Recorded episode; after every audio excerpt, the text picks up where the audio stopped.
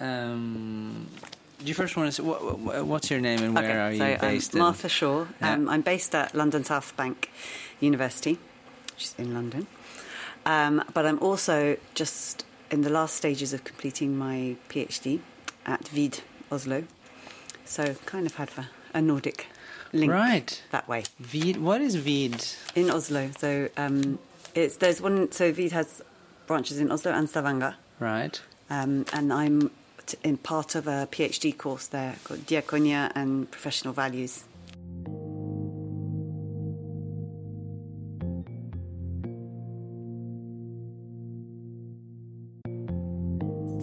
Vi er tilbake på NCRE-konferansen på NTNU som var i juni 2019. Og før jeg sier noe om dagens episode, så har jeg lyst til å takke KRLE-poddens venner på NTNU, nemlig Camilla Stabel Jørgensen, som foreslo for meg at jeg kunne ta med mikrofonen da, på denne nordiske konferansen for religions- og livssyns- og etikkdidaktikk, og Oddrun Bråten, som la til rette for at jeg kunne gjøre diverse opptak. Men i denne episoden så skal vi møte Martha Shaw, som da skriver en doktorgrad her i Norge på VID vitenskapelig høyskole, som da har en verdibasert og kirkelig forankring. Dette er jo et stort studiested, de har 4500 studenter. Eh, Og det Martha skriver om, det er da religionsliteracy. Jeg hører i intervjuet at jeg på engelsk da sier 'religious literacy', men det hun snakker om og skriver om i sitt prosjekt, det er en religions- og livssyns-literacy. Altså en type grunnleggende kyndighet knyttet til religion og livssyn. Men hva skal nå denne grunnleggende kyndigheten bestå av, da? Hva er en religions literacy? Det skal Martha Shaw fortelle oss om i dag. Du hører på KRLE-podden, og mitt navn er fortsatt Knut Aukland.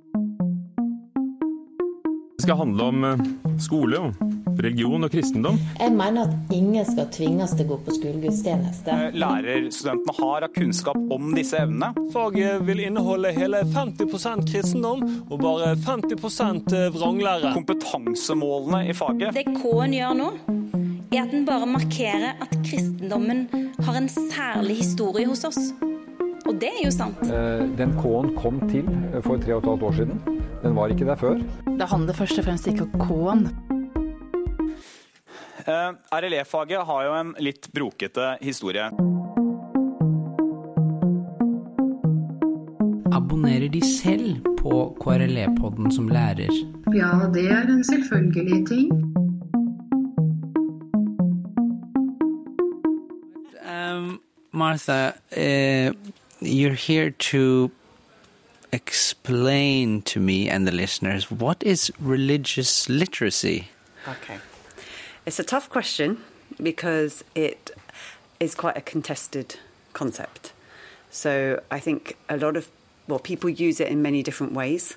And I think sometimes it's thrown around and used, particularly, well, in the UK, but also more widely around when people talk about RE, but also more broadly when they talk about you know, people should be religiously literate. And there isn't an agreed definition Mm. of what it means. In relation to RE, it's been used a lot more. Um, when I talk about it, what I mean is about having the knowledge and understanding, the skills and the disposition to engage positively in religion and worldview diversity. Right. Um, and I say in rather than with, because we're all part of that diversity, rather than it being about engaging with some other Right. necessarily, although it may be. but but so it has to be uh, literate in relation to diversity because it's not because um, you know when I hear the to, to be literate or illiterate in terms of letters and Mm. books it's a you know it, it can be about being able to read for instance but religious literacy is not being able to be religious No. or being like well versed in doing religion or yeah being religious no, No, it's something else absolutely Mm. Not absolutely not from my point of view, and but it's been used in different ways, even within, even in relation to RE. Um, and certainly more broadly. So, Andrew Wright started talking about religious literacy years ago in, in relation to RE, but he was talking about it much more as a kind of um, about having a, philo- a philosophical and theological engagement with religions. Um, and so more about the, and sort of concerned with pupils being able to navigate that, yes, but in so that they can come to their own position and their own sort of finding their own truths, I guess. Okay. Um, and again, that's, that's not really the way that I, I use it. Right. Um, other usages, usages draw on from outside of RE, so um, Stephen Prothero in the States is talk again. He's talking about it more in terms of a set of building blocks of um, that every American, in his case, should know and understand to be able to participate in society. Hmm. But he, but it's kind of a little bit more in terms of propositional knowledge about religions, and Hmm. in his case, more Protestantism Hmm. predominantly. Hmm. Um, that you know, if you know these things that are the foundation and are so infused in, in American culture, Hmm. well, that you have to know those things essentially to to to participate in society. And then Diane Moore, um, also in the states, um, comes from a more um, sort of, uh, I guess, a kind of cultural literacy approach. Hmm. Um, so thinking about it more in terms of religion as alongside class and um, gender, ethnicity, and so on as being sort of uh, you know fundamental, kind of embedded in cultural life. And again, you need to understand all of those aspects in order to participate. And she's particularly thinking particularly in terms of participating in a in a plural democracy. Right.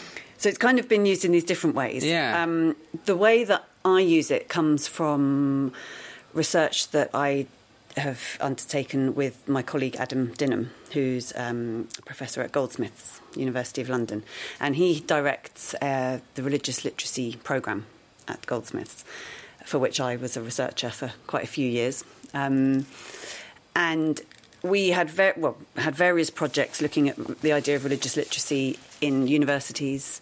Um, they're looking at um, media, um, healthcare, and the project that I was involved in was looking at um, schools. Um, and, and through these projects, um, Adam Dinham um, came up with the framework for religious literacy, which is a four-part framework. Mhm. So it talks about category, um, disposition, skills, knowledge, and skills. And he, this framework, he, Adam Dinham proposes this framework as um, a way of thinking about religious literacy in any professional context. Hmm. So the idea being that a key starting point of it is that you need we need to rethink about the category of religion, what gets classed as religion and what doesn't Right. because there's a gap between most people's understanding of what religion is and the reality or the diverse and diffuse reality that's out there. Hmm. Um, so more of a sociological perspective. Right. And both Adam and I um, you know, have been quite involved around with the sociology of religion as well. So I Hmm. used to be a sociology teacher.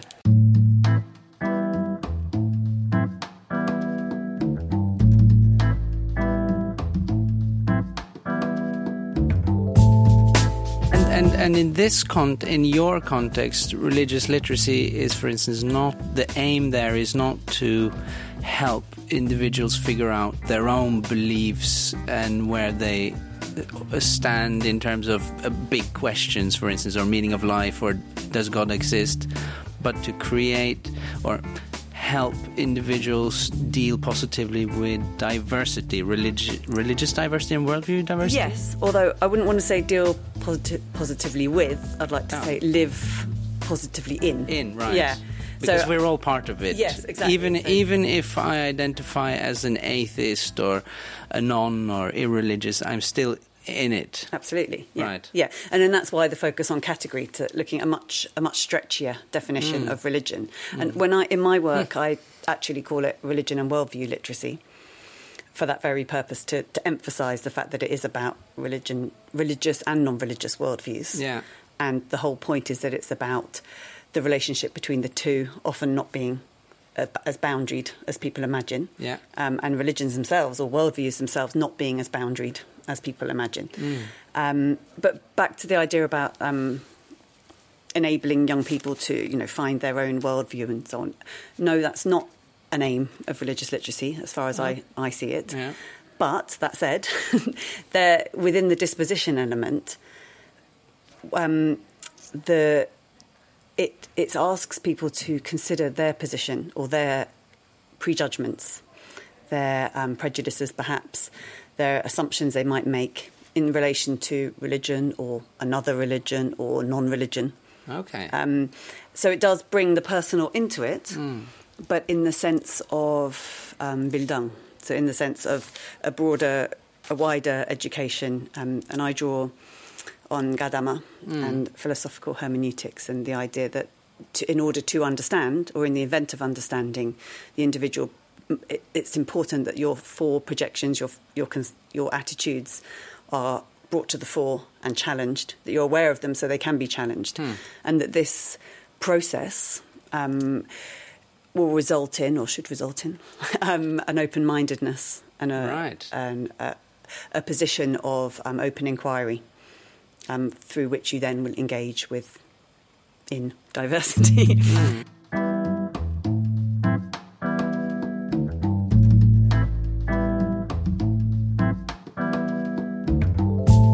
Um, but I, this is, I mean, this understanding of religious literacy is me applying it to the context of classrooms. Right. So it's the framework that Adam Dinham suggests. He start well. He, it, that came from a position of, you know, this is a framework that can be applied in any setting, in order to think about how we think about religion and worldviews, um, and that what it looks like in any will differ in any context. And you know, he, he said part of the challenge, you know, he asks people to take that forward and to apply it in different settings. So my work um, is looking at what what religious literacy means in the context of classrooms, and I that's why I well that's where I call it religion and worldview literacy, and emphasise that reflexive element, um, but also emphasise the element of questioning or critiquing the construction of knowledge around religion. Right. So, again, this is back to this focus on category. For me, a really important part of that in the RE classroom is um, exploring the representations of religion Right. that are both within RE itself Mm. um, and within in the media and in wider society. Right. We have with um, our teacher students in uh, OsloMet. We have they are st- uh, uh, studying RE or doing the RE course. They have a book that they uh, on the curriculum that they have to read, which is called "What Is Religion."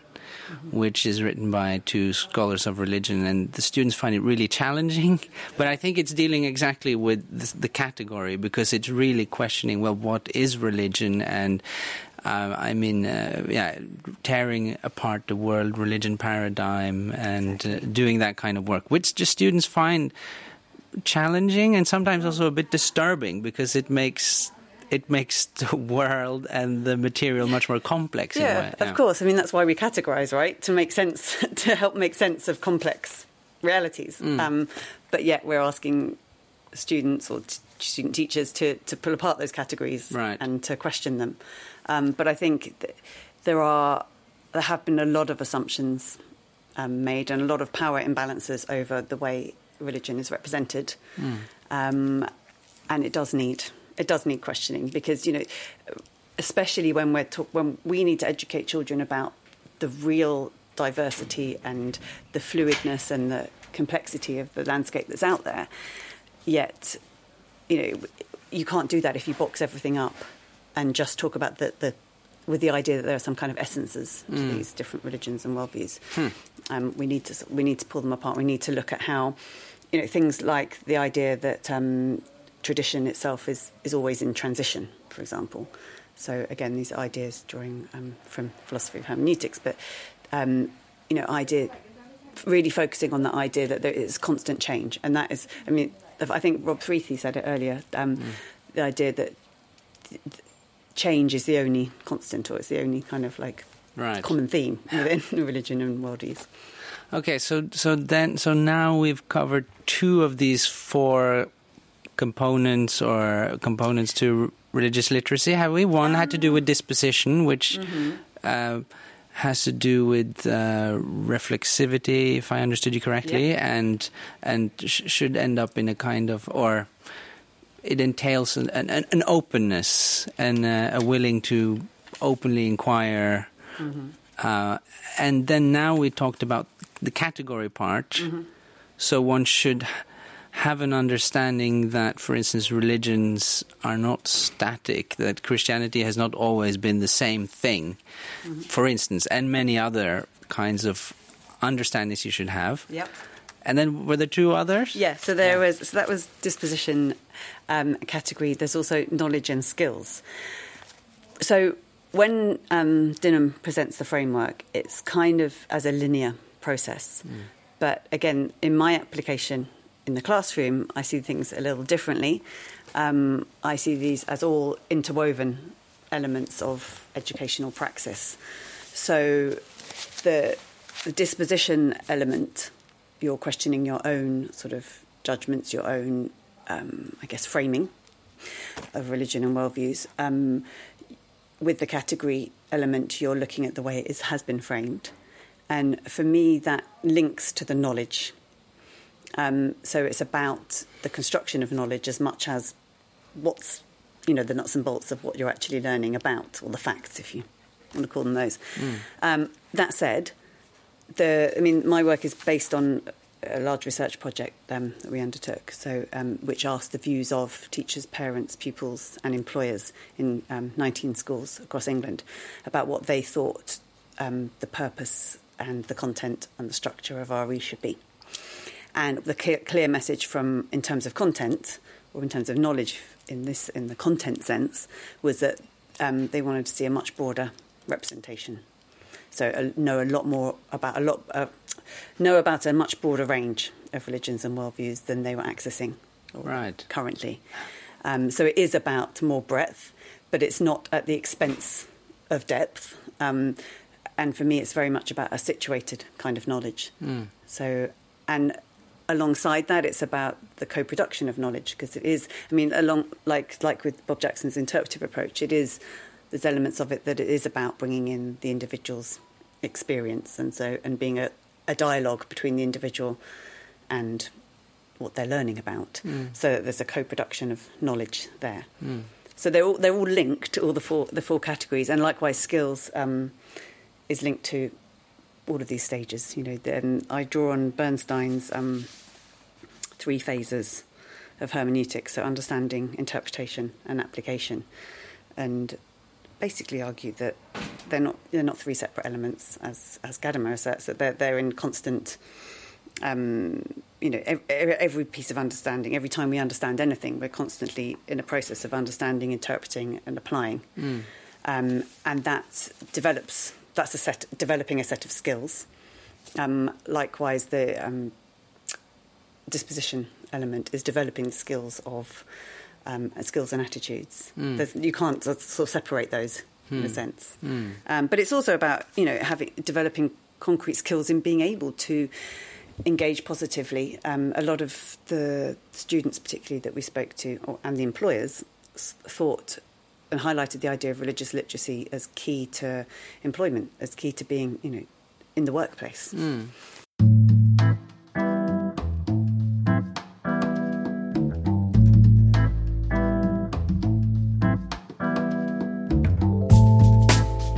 Would it be possible to do a thought experiment uh, if we imagine uh, a student, an uh, re- teacher student that has completed his, let's make him male, he's completed his studies, and but he's actually religious illiterate to some extent. I, does one uh, does one use these terms religious literate and illiterate, or is it simply literacy because it sounds so harsh to categorize people? yeah, I would rather not use the term religiously illiterate. Okay. Um, but I think a lack of a, a lack of religious literacy perhaps is Someone who has a lack. So and so, this individual has studied religions, but has come out thinking that in Christianity, women are not allowed to be priests, for instance.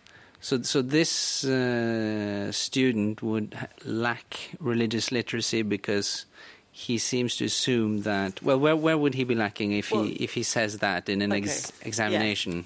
in the that's given uh, you know a view a very essentialized view Mm. of Christianity Mm. that isn't true for a lot of Christianity Right. and for and certainly not a belief or a value that a lot of Christians would hold Mm. um, hold dear or aspire or you know um, believe in. So yeah, so then religious literacy would mean him exploring the diverse representations and interpretations of Right. Christianity that are out there, in the same way of any other any other religion or worldview. Um, So he, but so he's kind of lacking in in category in the category Yeah. part. Yes, I guess so. Yeah, Yeah. I guess you could say that. And but also in, I think again, like I said, they're all related. So again, in the Yeah. disposition element, because he's kind of in his own mind, he's putting boundaries around what is or isn't religious experience, and, and therefore there is some kind of emotional level there, Right. Because you're shutting a certain things off, or, or shutting off certain things as unacceptable or acceptable. I mean, I guess it depends on the individual. Yeah, but in my case, yeah, that's implied. So he thinks that, well, as a st- as a teacher, I'm going to teach this in a neutral, objective way, in to the extent that that's possible. Yeah. Uh, however, personally, I think that Christians, Christianity is a bit. It's a bit stupid because it has these old-fashioned ideas that we should leave behind. Mm. So he, where would he would he be lacking there in religious literacy? Yeah, I, I would say yeah. Yeah? yeah, and I would say again, it is about questioning assumptions. Mm. So he would need to question his own assumptions and his own prejudgments Mm. about Christianity or whatever it was that he, Mm. was, he was talking about, and explore those in the same way that he would then hopefully enable his pupils to do that. Mm. But obviously, as a teacher, you'd, you'd have to do that yourself first. Mm. But bearing in mind that this is about dialogue, and you know, his engagement with his own assumptions Mm. around Christianity, and hopefully engagement with a wider set of interpretations, so that he can have that dialogue between Mm. how he perceives it and how it may be in reality for many others. Um, you know, part of that dialogue is part of the learning process. So, um, you know, that's for. And I guess that's why I wouldn't want to say someone's religiously illiterate because, yeah, it, it's a process, Right. and that everybody goes through. I mean, you know, Mm. nobody's. I don't know. Again, I don't know if you could say, well, some. I, I mean, you could say someone's re- religiously literate in that they have a good understanding, but a lot of that is to do with an openness Right. to learn and an openness to, yes, to, to ask questions and to know which questions to ask, I guess. Do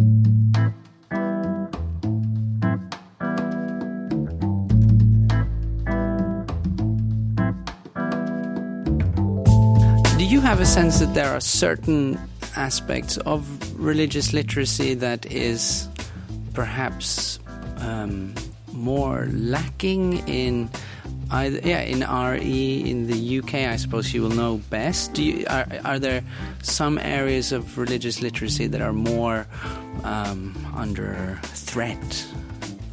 Yeah, I think it's the category element for me that's kind of.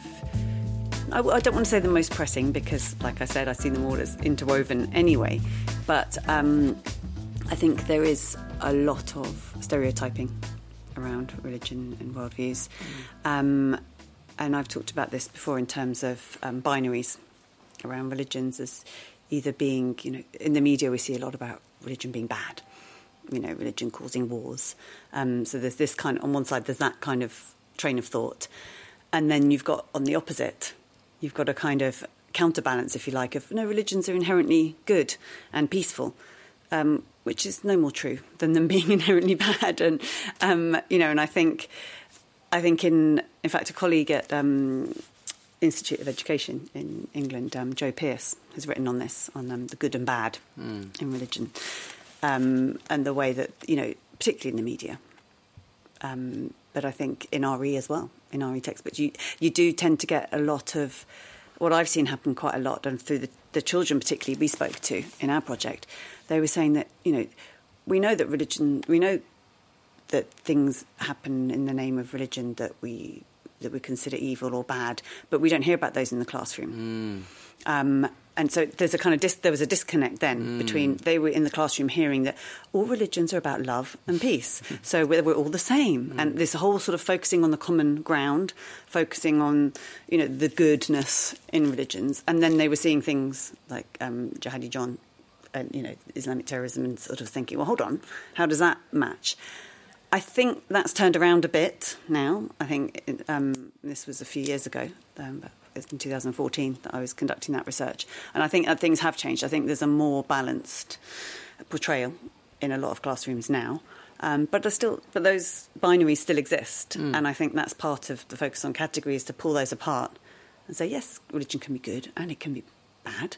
Um, it's not one or the other; it can be both. And it, it can, you know, and the same with. Um, you know, a, a lot of other sets of binaries. I think it's um, the, the binary itself between the religious and the secular. I think needs exploring in classrooms. You know, something's religious or it's not. Well, it's not actually as clear cut as that. Right. You know, so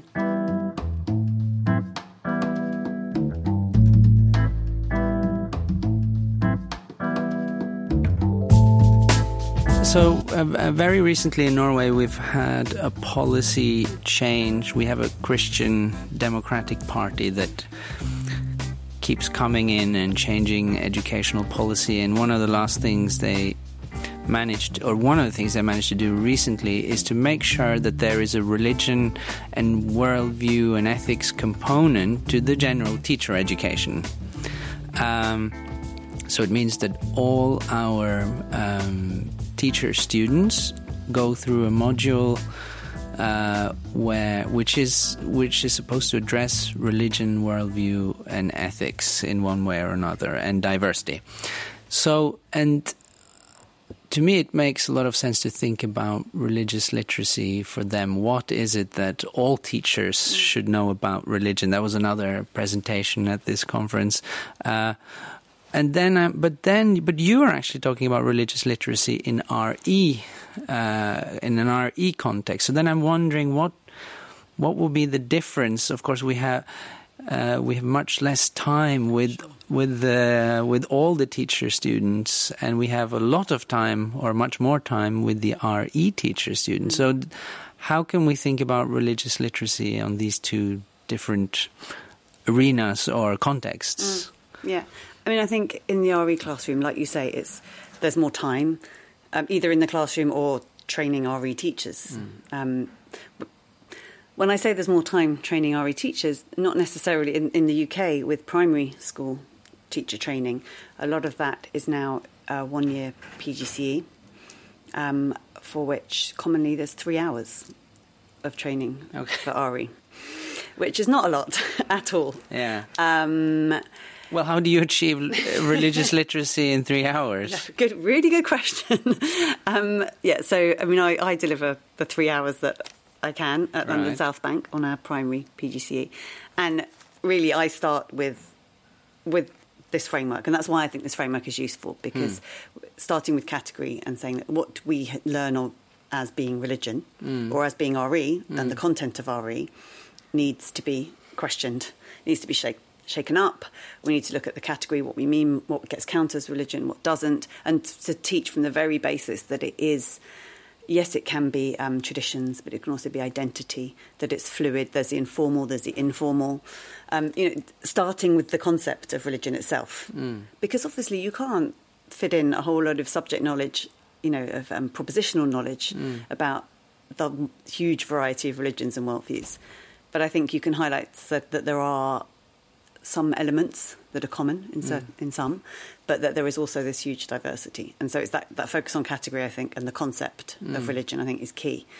Um, but yeah, obviously, in, in the RE classroom, you'd have a lot more time. Yeah, but and how? But how do you get a sense of how these students receive that? Because I've had some mm. experience with students that are quite frustrated when I begin um, kind of a course talking about uh, internal diversity in the religions and problematizing the category, and they're like, what are you talking about? When are we doing Hinduism or when's yeah. Judaism coming up and what are you talking about? Because this is very abstract and I, yeah. Maybe yeah. that's more to do with my teaching skills. But that, how are your students? Do you have a sense of how your students are, in these three hours receive this? Um, I think I, I don't think there's an absence of frustration. I think you know it is frustrating. It's frustrating the fact that we only have three hours for a start. You yeah, know, it's, it's, an impossible task. Mm. It really is. But um, and yes, some of them do say, "Yeah, but I need the subject knowledge," and that's what they need. But you know, I try and reassure them that you know give them a bit of subject knowledge, but reassure them that you know it's about having a, again a disposition and about having being a platform mm. from which you can then find out the diverse range of facts, if you like, or of knowledge around religion and worldviews. Um, yeah, but it is it is a task, and then also I think you know obviously students are concerned as well with method or pedagogy. And I really like um, Rob Freathy's RE Searchers mm. approach. Yes. I use that in my um, three hours. Ok, Det uh, Martha refererer til her, RE, eller researcher-metodikken, eller tilnærmingen, er utviklet i England, og kort fortalt så handler det om å bruke fire karakterer som hver står for en måte å jobbe med religion på, f.eks. intervju, eller gjennom å diskutere å filosofere, eller gjennom å prøve ut, eller å undersøke fortellinger. Vi skal lage flere episoder om denne tilnærmingen. Eh, Camilla Stabel Jørgensen har skrevet en kort artikkel om hvordan eh, hun har brukt den på lærerutdanning, og det kommer til å være linker til denne episoden til opplegget. Ok, Så det er researcher, det er å jobbe med metoder og ulike måter å utforske religion på. Um, you know, and I think it's I think it's a really good approach to show mm. that you know there are multiple ways of doing this, and again that's part of thinking more broadly about what I mean by religion and worldview literacy in RE. Part of that is acknowledging that you know there are different disciplines and different disciplinary knowledge that comes to RE, mm. and that some of that has dominated, so religious studies approach, um, for example, and that that needs questioning. Um, but Rob, in terms of um, methodologies and pedagogy, I think Rob Our Researchers is a really good mm. place to start.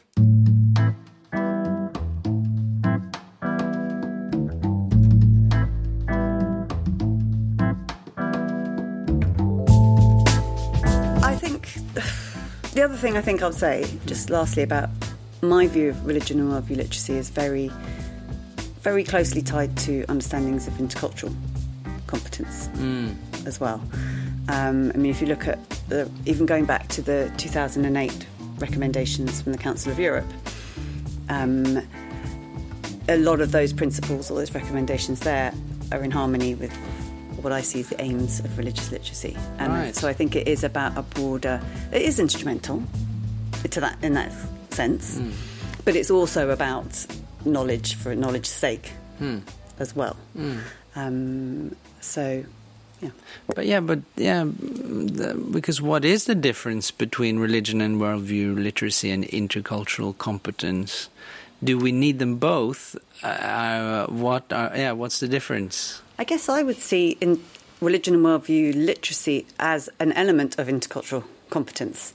I think culture and religion are not the same. Mm. Or culture and religion and worldviews are not all the same things. Mm. Um, you know, I think culture is broader, much broader, um, and religion and worldview literacy is an element of that.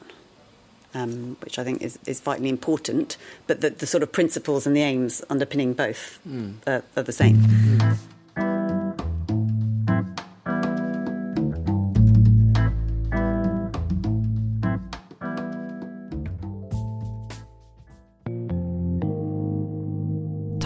Til Martha Shaw. Bakgrunnsmusikken har som vanlig vært av Lee Rosevere. Religions- og livssynsliteracy er et spennende begrep, tenker jeg. Altså, hvilke grunnleggende kunnskaper og forståelser bør man ha som lærer? Dette er jo f.eks. direkte relevant for hva vi skal fylle denne RLE-modulen i PEL-faget med. Men en annen ting som gjør dette literacy-begrepet interessant, syns jeg, er at vi får et rammeverk for å snakke om en type grunnleggende kunnskap og forståelse innenfor religion og livssyn som ikke bare gjelder læreryrket men også helt andre yrker, ja, eller, eller bare som medborger. Hva bør alle borgere kunne om religion og livssyn? Da er vi egentlig inne på en annen ting som jeg har tenkt en del på, for det er jo nærliggende for oss som jobber med religions- og livssynsundervisning på en eller annen måte, å tenke at eh, ja, kanskje vi ville anta at Norge ville blitt et bedre sted, et bedre samfunn, hvis vi kunne heve religions- og livssynsliteracyen i befolkningen. Og da er det jo også naturlig å tenke at KRLE-fag og religion og etikk vil jo være naturlige steder å jobbe med det, fordi det er obligatorisk ja, KRLE er iallfall obligatorisk i den offentlige skolen, og mange av framtidens borgere kommer jo til å gå gjennom det løpet der, da. Um, og da vil jo det også sant, være en sånn naturlig legitimering for faget. Det kunne være en, et, et svar på hvorfor man skal ha KRLE. Og mange vil vel kanskje også argumentere for det, at en type mangfoldskompetanse Det sier vi jo ofte, at det er kanskje noe av den viktigste grunnen til å ha KRLE. Det ligger jo også i styringsdokumentene. Men mangfold og mangfoldskompetanse, det kan jo være så mangt. Interkulturell kompetanse var vi innom i den uh, samtalen i denne episoden. Og hvis vi snakker om mangfold, eller interkulturell mangfold, så er jo religion bare en del av kulturelt mangfold. Uh, altså Av alle typer mangfold så er jo religion og livssyn bare én del, og kanskje for noen er det kanskje en ganske liten del. Sagt på en annen måte, hva er egentlig forholdet mellom en mer generell mangfoldskompetanse eller interkulturell kompetanse og en mer spesifikk religions- og livssynsliteracy?